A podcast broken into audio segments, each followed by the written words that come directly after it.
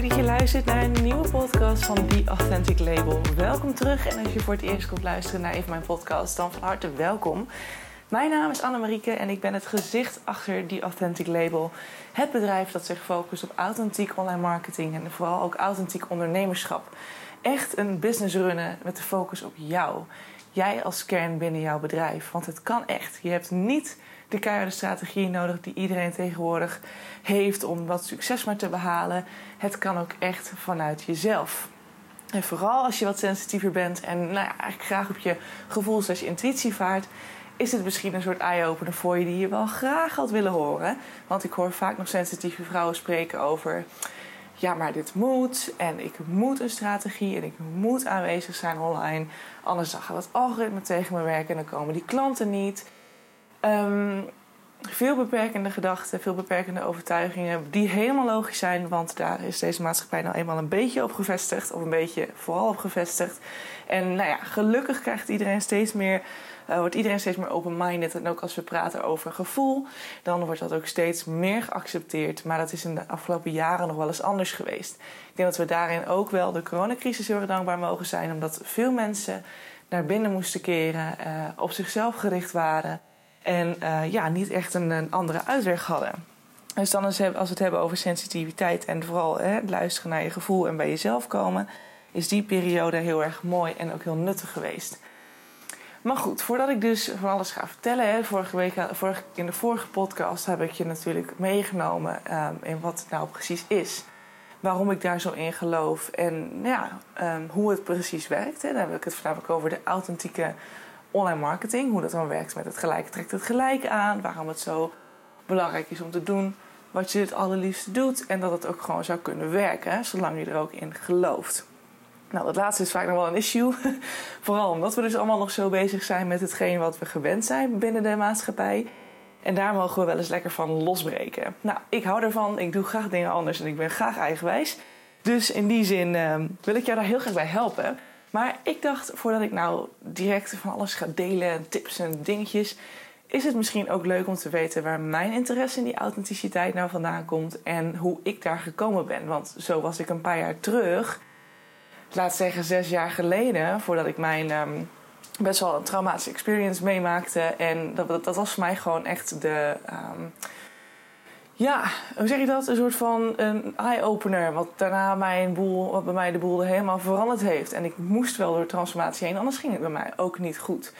Um, dus ik was nooit zo. En ik denk, ik wil je dat toch even vertellen. Want misschien dat je zelf nog zoekende bent um, hè, als sensitieve vrouw. En misschien dat je ook als man hiernaar luistert. Misschien ben jij de sensitieve man of juist degene die meer wil weten hierover. Um, en heb je zelf ook een verhaal meegemaakt. En is het misschien zitten bepaalde herkenningspunten voor je in. Waardoor het misschien wat makkelijker te begrijpen wordt. Of dat je misschien ook iets makkelijker mee kunt leven in de dingen die ik tegen je zeg um, de komende weken, zes maanden via mijn podcasts. Um, dus vandaar dat ik denk, voordat ik hele verhalen en tips ga delen, is het misschien fijn om te weten waar ik zelf vandaan kom. Waarom ik nu zo geïnteresseerd ben in authenticiteit. En ook vooral ja, waarom je uh, en dat is misschien voor jezelf een belangrijk iets. Het vertrouwen in iemand. Iemand kan natuurlijk altijd wat roepen. Maar je weet nooit hoe iemand aan. Uh, um, ja, hoe iemand die kennis vergaard heeft. Heeft iemand daadwerkelijk ook de experiences zelf meegemaakt. En ik denk als je hoort dat ik er zelf ook best wel heel diep ben gegaan om hier te komen. Dat je allereerst herkenning hebt. En uh, ten tweede ook, nou ja, snap dat wat ik vertel, dat ik dat niet zomaar uit mijn duim zeg, maar daadwerkelijk ook heb zelf moeten doormaken. Dus ik begrijp het als jij mij jouw verhaal zou delen en je vertelt zelf ook een ingewikkeld proces, dan kan ik me daarin, uh, kan ik daarin meeleven omdat ik het zelf ook heb moeten ondergaan. Dus heel lang verhaal al, maar ik wil je graag dus um, gaan vertellen hoe ik hier gekomen ben. En zoals ik net al zei, begon dat bij mij circa zes jaar geleden toen ik 19 jaar was en ik um, nog helemaal groentje was wat betreft mannen. Ik had nog nooit gezoend, ik had nog nooit meer gedaan dan dat. Ja, logisch, als je nog nooit gezoend hebt. Ja, ja goed. Um, dus, um, en ik ontmoette iemand uh, in Frankrijk, of in Frankrijk, in Italië. Uh, mijn ex, uh, mijn enige ex ook van toen de tijd. Want sindsdien, ik heb tien maanden een afstandsrelatie gehad met hem. En sindsdien was ik zo, nou ja, hoe zeg je dat, beschadigd dat ik niet meer in staat was om opnieuw een relatie aan te gaan. Ook al dacht ik van wel na 2,5 jaar. Um, goed, uh, het was goed dat diegene waar ik toen de tijd interesse in had mij verteld had dat het niet ging werken. Want uh, ik had het ook niet kunnen doen. Dan was de relatie al heel gauw stuk gelopen. En inclusief de vriendschap. En dat is natuurlijk zonde. Maar goed, ik had dus uh, mijn ex ontmoet in Italië. En uh, helaas trof ik een, een narcist. En in die zin, ik zeg helaas. Eigenlijk is dat helemaal niet helaas. Want je maakt dingen mee met een reden. Ik geloof gewoon heel sterk in het feit dat alles komt met een reden. En ik weet niet, kijk maar eens terug naar je eigen leven en zie maar eens hoe het tot dusver gegaan is. Meestal de dingen die gebeuren hebben een reden om jou weer vervolgens ergens anders te kunnen brengen en nou ja, een stap verder te kunnen brengen in je eigen proces. En dat was bij mij ook zo, want ik snapte toen de tijd ook echt niet waarom hij ineens op mijn pad kwam en waarom al die ellende moest gebeuren. Want het was een narcist. En als jij googelt op narcist en je gaat kijken wat de kenmerken zijn en wat ze doen, dan vindt hij alle lijstjes vindt hij helemaal af. Dus het was, ja, ik weet niet of er gradaties zijn in hoe ernstig of hoe heftig een narcist narcisme in zich heeft. maar deze was wel vrij heftig. Hij heeft me gelukkig in die zin nooit uh, geslagen of iets anders. Maar uh, ik denk niet dat het uh, veel langer had moeten duren voordat dat ook misschien had gebeurd. Um, maar goed, ik heb dus alles meegemaakt. En um, nou ja, uiteindelijk heeft me dat wel wakker gemaakt. Ik zou daarna naar Rome verhuizen. En hij woonde in Rome, het was een Italiaan en hij woonde daar. En ik zou naar hem toe gaan voor mijn studie. Uh, zou ik zes maanden naar Rome gaan om dichter bij hem te kunnen zijn. Dus het was een mooie combinatie van en buitenland studeren en kijken hoe het zou zijn als ik dichter bij hem zou zijn. Nou, vlak voordat ik zou verhuizen, alles liep al. En uh, nou, vlak voor, het was een paar maanden voor die tijd, twee, drie maanden, maakte die het ineens uit. En um, ook boem pas klaar, deur dicht en er was geen praten meer met hem. En ik helemaal kapot. Nou ja, en gelukkig mijn tante, die, die uh, is energetisch natuurgeneeskundige therapeute. Dus die werkt ook heel veel met uh, intuïtie, zesde zintuig en um, de natuurlijke middelen, zeg maar. Dus die is daar sowieso al heel erg in thuis. En weet heel veel over persoonskenmerken. Uh, en, en dus nou ja, goed, daar kon zij gelukkig heel veel over vertellen. En zij maakte mij me bewust van het feit dat ik een hele verkeerde getroffen had. En dat ik heel dankbaar mag zijn dat hij het zelf uitgemaakt had. En dat ik dat zelf niet had hoeven doen. Want dan was het een heel groot, nou ja, misschien nog wel een langer en ellendiger proces geweest dan dat het nu was. Dus uh, ik ging alsnog naar Rome, maar hij was weg. En ik vond doodeng, want ik uh, had altijd heimwee en ik vond het vreselijk. En uh, nou ja, toch ben ik gegaan. En ik heb uiteindelijk een hele mooie tijd gehad daar. En heb ontzettend veel geleerd. Want daar in Rome is mijn proces van persoonlijke ontwikkeling eigenlijk begonnen. Ik werd me bewust van het feit dat eigenlijk wat hij gedaan had bij mij, want zo zag ik het altijd, want ik was het slachtoffer van hem, um, dat dat helemaal niet waar was. Want ik heb hem over mijn grenzen laten gaan. En als ik je straks vertel dat er uiteindelijk nog een trauma achter zit die heel intens is en heel heftig is, wat ik toen de tijd nog niet wist, ik heb dat 2,5 jaar weten te onderdrukken. Um, dan zou je alsnog zeggen van ja, maar dat kan je toch niet goed praten. Want dat doe je toch niet en het is zijn schuld. En dat, ja, iemand de schuld in zijn schoenen schuiven, dat is eigenlijk ook ego-werk. Dat is niet hoe, het, uh, hoe je het hoort te doen. Want er zit altijd, als je met twee partijen te maken hebt, heb je ook altijd als twee partijen heb je schuld. Ook al lijkt het vaak niet zo. Um, dus ik besefte mij dat ik met mijn weinige zelfliefde, die ik helemaal niet had. Ik had helemaal geen zelfliefde. Ik had geen eigenwaarde. Ik had geen grenzen. Ik had Helemaal niks. Compassie naar mezelf, niks. Ik was altijd maar bezig met uh, het pleasen van de buitenwereld. En dat komt, dat komt ook terug, dat weet ik nu achteraf, dat ik een, een trauma heb opgelopen toen ik twee was. En de meeste dingen die we nu doen in het huidige leven, waar we nu op anticiperen. Dus als jij getriggerd wordt in een situatie en je wordt boos of je wordt verdrietig. Meestal zijn het kindpijnen. Meestal komt het voort uit de 0 tot 7 jaar, waarbij je als kind als ware gevormd wordt um, niet goed kunt relativeren en dat het eigenlijk iets heel kleins al kan leiden tot een trauma. Dus sinds die tijd, sinds ik twee jaar ben, uh, was, um, heb ik dus dat stuk meegenomen en heb ik eigenlijk altijd alles eraan gedaan om mezelf te kunnen veranderen. Ja, dat heeft er dus voor gezorgd dat ik uiteindelijk geen, geen zelfliefde heb opgebouwd. Alleen maar met de buitenwereld ben bezig geweest. Daar zit nog heel wat anders achter, want ik ben ook uh, wat ik intussen heel fijn vind, is dat ik ook hoogsensitief ben. En dat betekent dat mijn brein veel meer verwerkt dan, uh, een, dan een persoon die dat niet heeft. Uh, dus ik kan heel makkelijk mensen lezen. Uh, ik kan mensen heel goed aanvoelen. Ik heb een heel sterke intuïtie. En intussen is mijn zesde zintuig ook in de, tot, ja, tot dusver aanwezig dat ik mensen ermee kan helpen. Met stukken die ze zelf niet kunnen zien. En dat is echt mega mooi. Voor de nuchtere mensen onder ons misschien heel moeilijk te begrijpen. Ehm, laat ik ook zeggen dat dat niks bijzonders is, want een zesde zintuig hebben we allemaal.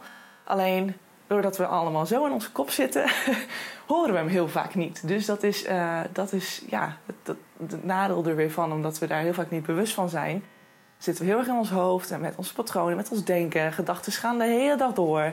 Super vermoeiend. Maar goed, al met al, dat hoogsensitieve zorgt er dus ook voor dat ik mensen om mij heen heel makkelijk kan lezen en me daarin dus heel snel ga aanpassen. Nou ja, goed. Dus in Rome kwam ik erachter van shit, wat ben ik nou aan het doen? Want dit gaat helemaal niet goed. En als ik dit niet verander, als ik hier niet aan ga werken, dan heb ik straks nog een keer zo'n vent die mijn leven binnenwandelt. En dan herhaalt het patroon zich gewoon nog een keer. En ik wil dit, want ik was ook echt bang voor hem. Ik was als de dood dat ik hem tegen ging komen in Rome. Moest ik daar nog zes maanden zitten, lachen. Maar goed, ik heb hem nooit meer gezien daarna, gelukkig. Maar um, ja, er moest gewoon er moest gewoon een verandering komen, want ik wilde dit nooit meer meemaken. En toen ben ik op zoek gegaan. En ik ben op zoek gegaan naar mezelf. En dat begon heel simpel met kleding. zo, zo simpel was ik. Nou, simpel, sorry, ik moet niet, dat, dat is weer een oordeel. Ik wil niet oordelen. Maar voor mij, toen, toen de tijd als ik er nu aan terugdenk... Het begon heel simpel met mijn kledingstijl. Ik was gewoon heel onzeker over mezelf. Ik ben heel lang, ik ben 1,87. Dus ik ben voor een vrouw ook heel groot. En in Rome zijn ze allemaal 16, zo, 16 keer zo klein. Dus weet je, ik viel ook nog eens op en ik vond het afgeestelijk.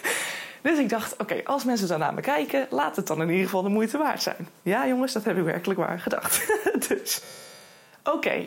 Dus ik ging met mezelf aan de slag. En ik kocht boeken, dat ging over Find Your Style en bla bla. En van Fashion Chick heb ik volgens mij nog een keer, daar begon het volgens mij mee. Die hadden een boek met allemaal uh, influencers erin. En in dat boek las ik voor het eerst over Sunny Zoekt Geluk. En Sunny Zoekt Geluk is een uh, YouTuber slash uh, Instagrammer slash nou, gewoon een heel, heel bekende influencer als je kijkt naar spirituele ontwikkelingen. Uh, geluk, positiviteit. Um, ja, echt, het, het gaat over van alles. En tussen gaat het ook echt heel diep. Uh, sommige dingen gaan mij ook nog even de petten boven. Maar goed, misschien is dat nog niet helemaal mijn tijd. Dat geeft ook helemaal niks. Ieder zo zijn ding. Maar zij heeft mij met haar vlogs wakker geschud. Zij, door haar heb ik voor het eerst kennis gemaakt met het concept uh, zelfliefde. Leerde ik over positiviteit. En ik was altijd al vrij positief, vrij energiek ook. Maar het kon echt beter. Ik was echt veel te veel bezig met, met alles om me heen. Ik maakte me heel erg druk en ik had vaak stress en heel veel angst. Allemaal heeft dat te maken met hoogsensitiviteit ook. Maar ook zonder hoogsensitiviteit speelt dit ook heel vaak bij mensen. Dus het is niet eens per se bijzonder uh, of zo. Maar nou, dus dat kwam er toen ook allemaal bij. En ik werd me bewust van dingen zoals... Ik ben onder andere zelf verantwoordelijk voor wat er gebeurd is. Ik heb hem binnengelaten. Ik liet hem direct na één of twee, na twee, drie dagen... liet ik hem direct al over mijn grens gaan. Terwijl mijn intuïtie toen al heel duidelijk sprak. Want ik had mijn partij buikpijn, jongens. Dat wil je niet weten. toen de tijd. Maar ik dacht, ja, oh, ik doe gewoon net alsof het er niet is, weet je. En ik wilde dit gewoon heel graag, want ik was heel naïef. En ik wilde de ervaring. En nou ja, die ervaring kreeg ik. En hoe? Dus daar is het allemaal een beetje begonnen. En toen ging het verder en verder en verder. En ik ging boeken lezen die zij aanraden. Zoals van Eckhart Tolle, De kracht van het nu. Dat is een boek van Eckhart Tolle die ik je overigens echt aan kan raden. Als je wilt begrijpen waarom ons hoofd zo extreem aanwezig is. En vooral ons ego met al die negatieve gedachten. Daar begon mijn proces eigenlijk een beetje mee. En dat ging verder en verder en verder. Totdat ik in 2018 uh, mijn HBO had afgerond en besloot door te gaan op de universiteit met een master, want ik wilde nog niet aan het werk. Dus ik ging een master studeren en dat was al heel snel kwam ik erachter dat ik niet op mijn plek zat. Na twee weken of zo dacht ik al van dit wordt het niet. Dus ik wist gewoon ik moet stoppen en ik ga dan maar een tussenjaar in. En um, nou ja, ik ben gestopt en ik heb toen een half jaar, uh, dik een half jaar heb ik gewerkt bij Livera in, de, in Groningen, gewoon in de, op de grote markt. Dus het was echt best wel gewoon, ja, ik ging naar werk, ging weer naar huis en ik was klaar. En ik had daarnaast wel mijn hobby-account op Instagram, waar ik heel veel met fotografie deed. Dus ik had er wel echt een hobby en slash passie naast, wat steeds serieuzer werd. Overigens doe ik dat nu niet meer, want ik wil me helemaal hierop focussen. Um, maar uh, ja, ik had het gewoon prima druk, maar niet zoveel aan mijn hoofd dat ik net als met studie en zo, dat, dat je heel veel deadlines hebt en dat soort dingen. En nou, ik kreeg uiteindelijk een nieuwe studie in beeld. Uh, ik zou naar Utrecht en ineens bleek in Groningen een superleuke studie tevoorschijn te komen. Uh, oftewel, dat was de studie die ik net heb afgerond. Media Creation and Innovation. Dat was een mastertrack hier aan de Universiteit in Groningen. En uh, ik besloot te blijven. Ik ging lekker gewoon weer in Groningen studeren. En vlak voordat mijn nieuwe pre-master begon, want ja, je moet een tussenstap maken. Als je van HBO komt en je wil naar de master, de master gaan volgen, dan ga je universitair. Dus dan moet je een tussenstap doen. Dat was dan de pre-master. En de pre-master die ging ik, nou, begin september weer van start. Die ging ik de, vanaf september doen. En vlak voordat de pre-master begon, werd ik op een nacht wakker. Met een beeld in mijn hoofd die ik nooit meer zou vergeten. Maar het was een moment dat ik besefte dat ik door mijn ex seksueel misbruikt ben. En dat heeft uh, dus 2,5 jaar geduurd voordat dat stuk weer bij mij naar boven kwam. Zo lang heb ik dat dus in mijn lichaam weten te onderdrukken. Gewoon onbewust, maar dat was zo traumatisch. Mijn lichaam is ook uitgeschakeld op het moment dat het gebeurde. Dus uh, ik kan me alleen nog een beeld herinneren, herinneren dat ik wakker werd van een pijn. En dat ik uh, wakker werd, mijn ogen open deed, ik keek hem aan. En ik ben gewoon weggezakt. En sindsdien is het gewoon zwart. Ik weet ook nog altijd niks. Zelfs niet naar alle therapiebehandelingen en, en, en alle stukken die ik geheeld heb in het verleden, uh, vanuit het verleden en dat soort dingen. Dus het is niet dat het nu steeds helderder wordt. Mijn lichaam heeft gewoon echt gedacht op dat moment, of besloten, of weet ik veel hoe dat precies werkt. Maar die heeft gewoon gezegd: ik schakel me uit, laat het maar gebeuren. Nou, dat is natuurlijk doodeng. die gedachte dat je niet weet wat er met je lichaam gebeurd is na die tijd. Um, en dat je wakker bent geworden en gewoon doorging met je leven. En pas 2,5 jaar later het besef hebt dat dat gebeurd is. Dus ik, ik was ook zo in paniek. En ik heb daar direct mijn moeder en mijn vader over verteld. En uh, nou, die hebben heel fijn gereageerd en direct gezegd... Hup, je gaat hulp zoeken, want dit gaat hem gewoon niet worden. En nou, ik vind het altijd lastig als iemand zegt... je kan iets niet alleen. Maar um, dit, dit keer was ik het er ook helemaal mee eens. Dat ik dacht, weet je, ik ga het gewoon echt niet redden. Dit doet me nog zozeer en ik wil door met mijn leven. Ik wil hem achter me laten. Dus dat was psycholoog 1. Dat was een basispsycholoog. Waarin ik in eerste instantie gewoon simpelweg mee moest praten. Nou, en toen zei ze al snel van ja, je hebt um, PTSS. Posttraumatische stressstoornis. Dat was het. Ik had PTSS. Dat was geconstateerd. Dus ik moest met EMDR moest ik dat dan gaan verhelpen. Nou, dus dat was psycholoog 1 was afgerond. Ik moest door naar de echte psycholoog, want deze basispsycholoog mocht geen therapie uitvoeren. Dus ik ging door naar de echte psycholoog. Nou, dat vond ik echt een vreselijke vrouw. Die heeft mij een paar weken gezien en best wel intens en intensief gezien. En die wist alle verhalen over mij en alle geheimen over mij. En alsnog kwam ze met een advies wat zij überhaupt niet mogen doen. Um, dat was zo frustrerend voor mij. Ik werd zo kwaad door haar reactie. Ik, was, ik ben naar huis gegaan. Ik dacht, ik, hoef jou nooit meer te zien. Wat een vreselijk type. Maar um, nou ja, toen kwam de coronacrisis en er gingen een paar maanden overheen. En ik dacht, oh, ik ben verlost van mijn trauma. Yes! Maar ja, het is net als een ui. Als je eenmaal een ui, een schilletje eraf haalt, dan komt er weer meer shit vrij. Dus als jij uh, dieper gaat, de dieper je gaat, de dieper je gaat, de meer trauma's en dingen uit je jeugd en dingen uit je kindheid die komen naar boven. En dan denk je, oh man, houdt het nooit op. Want ik ben nog steeds bezig. Ik ben nog steeds, ik word nog steeds getriggerd door mensen. Gelukkig veel minder dan een paar maanden terug of een jaar geleden. Maar af en toe kom ik nog steeds dingen tegen en dan zeggen mensen iets tegen mij. En ik ben gelukkig nu tot dusver zo uh, in contact met mezelf dat ik hem direct in de gaten heb. Dus ik kan ook direct anticiperen en dat oplossen. Maar dat was voorheen wel anders. En dan denk je, komt hier nooit een einde aan. Nou ja, goed. Dus uiteindelijk, toen ging ik op een gegeven moment weer een stukje weg bij dat, dat innerlijk werk. En ik vond het allemaal vreselijk. En toen kwam corona. En toen dacht ik, ja, flik, sorry niet op. ik doe het niet meer. Ik ga niet meer mediteren. Ik doe dit niet. En ik ga gewoon lekker weer als een nuchtere chick door het leven. Ja, nou ja, dat kun je proberen. Maar als je eenmaal, ver, als je eenmaal iets gedaan hebt en je hebt eenmaal um, contact mogen maken of, of mogen ervaren hoe dat aan de binnenkant werkt, dan ga dan nog maar eens zien terug te komen naar de nuchtere wereld. Ja, dat, dat wil niet. Kan ik je nou al op een briefje geven? In ieder geval, bij mij wilde het niet. Anders zeg ik direct weer dat het voor jou ook niet wil. Misschien lukt het voor jou wel, maar bij mij wilde dat niet. En vooral met mijn, eh, met mijn hoogsensitiviteit moet ik gewoon om mezelf denken. Want ik ben sneller overprikkeld. Ik ben sneller moe. Alles kost energie. Als ik met andere mensen ben, kost het energie. Uh, omdat ik dan ga levelen met die andere persoon. Dus uiteindelijk loop ik onbewust soort van leeg. Dus dat is altijd heel lastig. Um, dus ik moet er gewoon om denken dat ik mijn rust pak. Maar ook, helaas, ja, helaas, ik vind het intussen heel fijn. Maar ik moet dus ook vaak even een ochtendje rustig opstarten. En dat doe ik dan door meditatie. Dus meestal ga ik gewoon een soort ademhalingsoefening doen, s ochtends vroeg, voordat ik begin met de dag. En dan ga ik gewoon, dan scherm ik mezelf af en dan ga ik de dag in. Zodat ik niet gedurende de dag onbewust leegloop op mensen die ik tegenkom of mensen met wie ik in de trein zit. Dat ik die energie meepak en vervolgens mezelf de rest van de dag helemaal rottig voel. Dus als hoogsensitief persoon ehm, en je gaat dan besluiten van ik doe niks meer en ik ga gewoon naar de studie en ik ga gewoon thuis zitten op de bank. Want we moesten thuis zitten op de bank en ik woon heel klein. Dus ja, ik ging van mijn bed naar de bank en van mijn bank weer naar mijn bed. Dus het was echt, dat was ook gewoon op een gegeven moment een beetje depressief makend.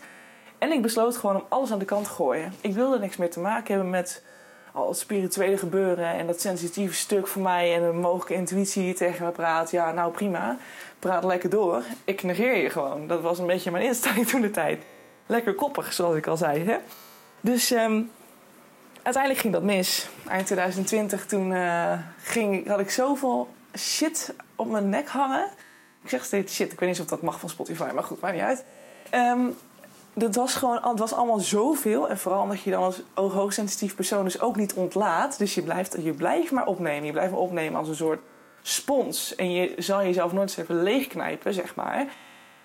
Op een gegeven moment gaat het steeds verder bergafwaarts. En ik zag de lol niet meer van dingen. Ik zag mijn, de lol niet meer van, van mijn studie. En van mijn, wat ik toen de tijd deed als hobby. Hè, met, met, uh, met fotografie en, en content maken voor, voor brands en dat soort dingen. En ik zag het niet meer. Het enige wat ik nog dacht was: hoe de fuck, sorry, kom ik hier uit? Want ik ga zo diep. Ik heb echt in mijn hele leven nog nooit in zo'n diep dal gezeten. En zie dan er maar weer eens uit te komen. Ik wist niks meer. Ik wist niet meer hoe ik de positiviteit trucjes moest toepassen. Ik wist niet meer hoe ik mezelf kalm kon houden.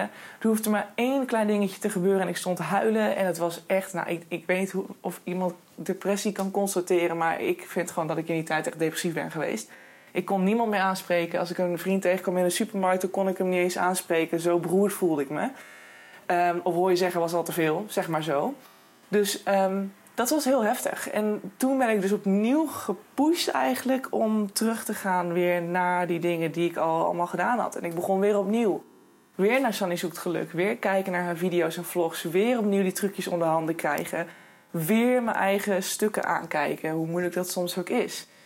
En ook blijkbaar bleek het trauma van mijn ex nog steeds er te zijn. Want ik keek iets op televisie en dat triggerde iets. En ik was zo aan het huilen en ik was zo bang dat hij terug zou komen en dat hij me zou pakken. En ik weet niet wat ik allemaal dacht. Maar ik belde met mijn vader. En mijn vader had ik heel vaak aan de lijn toen de tijd.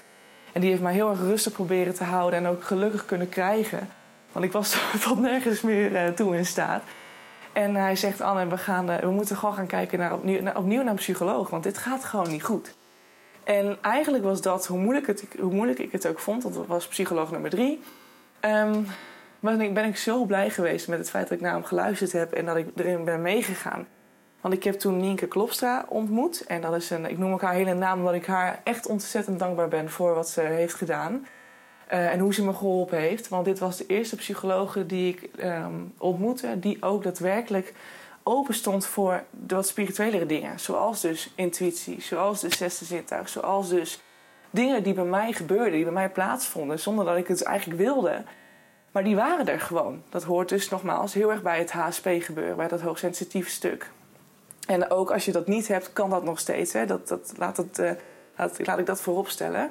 Um, alleen gebeurt het bij mij dus sneller, omdat ik dus eigenlijk standaard veel meer oppik. Dus um, dat is even waarom die bij mij dus zo aanwezig is. Maar goed, Nienke die snapte mij. Nienke die, daar ging ik mee zitten en ik vertelde dingen aan haar. En hoe idioot het ook dan klonk voor de mensen om mij heen, voor de nuchtere mensen om mij heen zo normaal klonk het voor haar. En opeens voelde, voelde ik me begrepen. En ik voelde me ook begrepen door mijn tante, door mijn ouders en mijn familie. Dus niet, no offense, hè. Dat, ik was al begrepen door mijn eigen uh, kringetje. Maar de mensen daaromheen... Ik had weinig mensen die konden snappen wat ik zei. En als ik dan met mensen het gevoel had dat ik er niet over kon praten... dat kon ik dan met Nienke wel. En dat was voor mij zo'n verademing. En um, zij heeft me daar zulke goede handvaten voor gegeven... om HSP onder controle te krijgen en om daar mijn eigen weg in te vinden. En bovenal het te accepteren, want dat kon ik heel lang niet.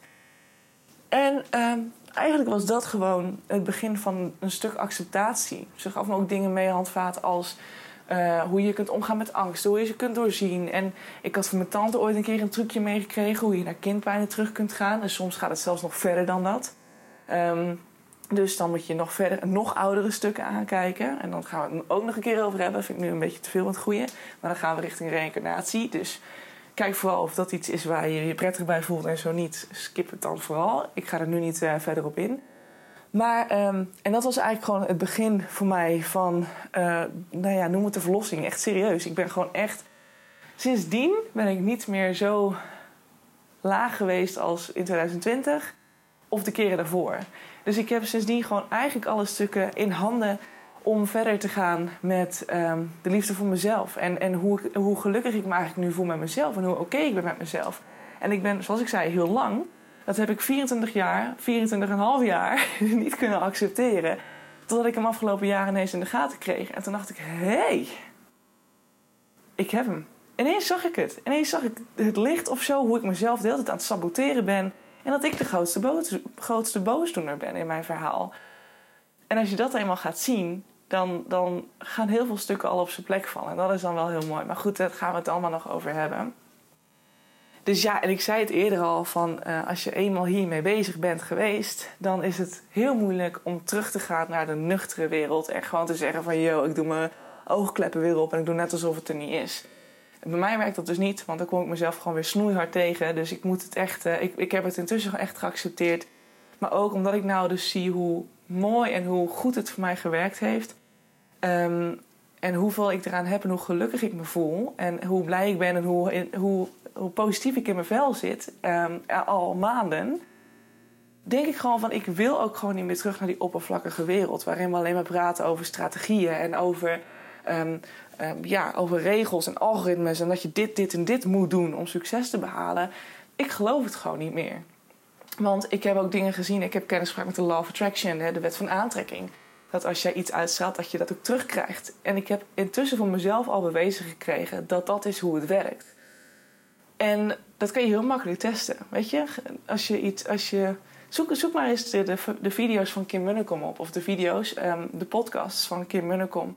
En ga maar eens luisteren naar wat de Law of Attraction inhoudt, want anders wordt deze zo extreem lang. Maar dan, zul je, dan zou je het al heel snel en heel makkelijk kunnen toepassen. En dan kun je gewoon eens gaan kijken van, yo, werkt het nou echt voor mij of niet? En het kan dan ook liggen aan het feit dat je misschien nog te weinig vertrouwen hebt dat het daarom niet manifesteert. Maar in principe, iedereen manifesteert constant. En dat is gewoon zo reet interessant. Dus dat kan natuurlijk ook met jouw succes in jouw business. Alleen hebben we er zo vaak nog negatieve ladingen op liggen overtuigingen, angsten. Wat denkt die ervan? En ben ik dit wel waard? En moet ik dit wel doen? Want wat gaan mensen om me heen ervan van vinden? En zitten ze wel op mij te wachten? Er komt er weer een online marketeer die denkt dat ze het weet. Ja, weet je, ik denk gewoon nog steeds. Als jij denkt, ik voel dit, net als dat ik nu eindelijk duidelijk heb wat ik wil, want ik voel dat dit mijn weg is die ik mag gaan. Ik, voel, ik zie dat succes nu al voor me. Ik zie het gewoon al voor me. Ik ben net in principe echt net gestart met de ware variant van die Authentic Label. Dat is dus nu hoe ik nu in elkaar zit met mijn bedrijf. Ik ben zelfs nog aan het bouwen met mijn website. Dus in principe kan je nog niet zeggen, hè, volgens de, de big bosses termen, dat ik nou echt heel veel succes heb. Maar voor mij voelt het al alsof ik, er, alsof ik daar ben. En als je het kunt voelen en je kunt het geloven en je voelt gewoon dat je vanuit die flow aan het werk bent, dat je goed zit, 100% dat het naar je toe komt. En we gaan het in de loop van de tijd meemaken. Maar dit is wel hoe ik het nu voel. En ik heb zoiets van: ik ga hiervoor. Want ik geloof in het authentiek zijn. Ik geloof, ik heb het gewoon zelf mogen zien. Dat als jij echt van jezelf kunt houden, bij jezelf kunt blijven, jezelf je grenzen aan kunt geven. Vanuit die liefde naar jezelf kunt kijken en kunt doen waar je blij van wordt. Dat dat gewoon, dat dat gewoon zo gelukkig maakt. Wat, wat willen we dan nog meer? Dat is gewoon waar ik in geloof. En daarom ben ik zo gek op het woord authenticiteit. Want je kunt het op heel veel manieren invullen. En voor mij is authenticiteit gewoon echt vanuit jouw pure zelf gaan. En niets laten tegenhouden door wat mensen ervan vinden. Of wat, wat mogelijke obstakels kunnen zijn op je pad.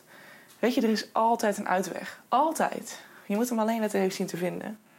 Nou, dan rond ik hem hierbij af. Ik wil je heel erg danken voor het luisteren naar deze podcast.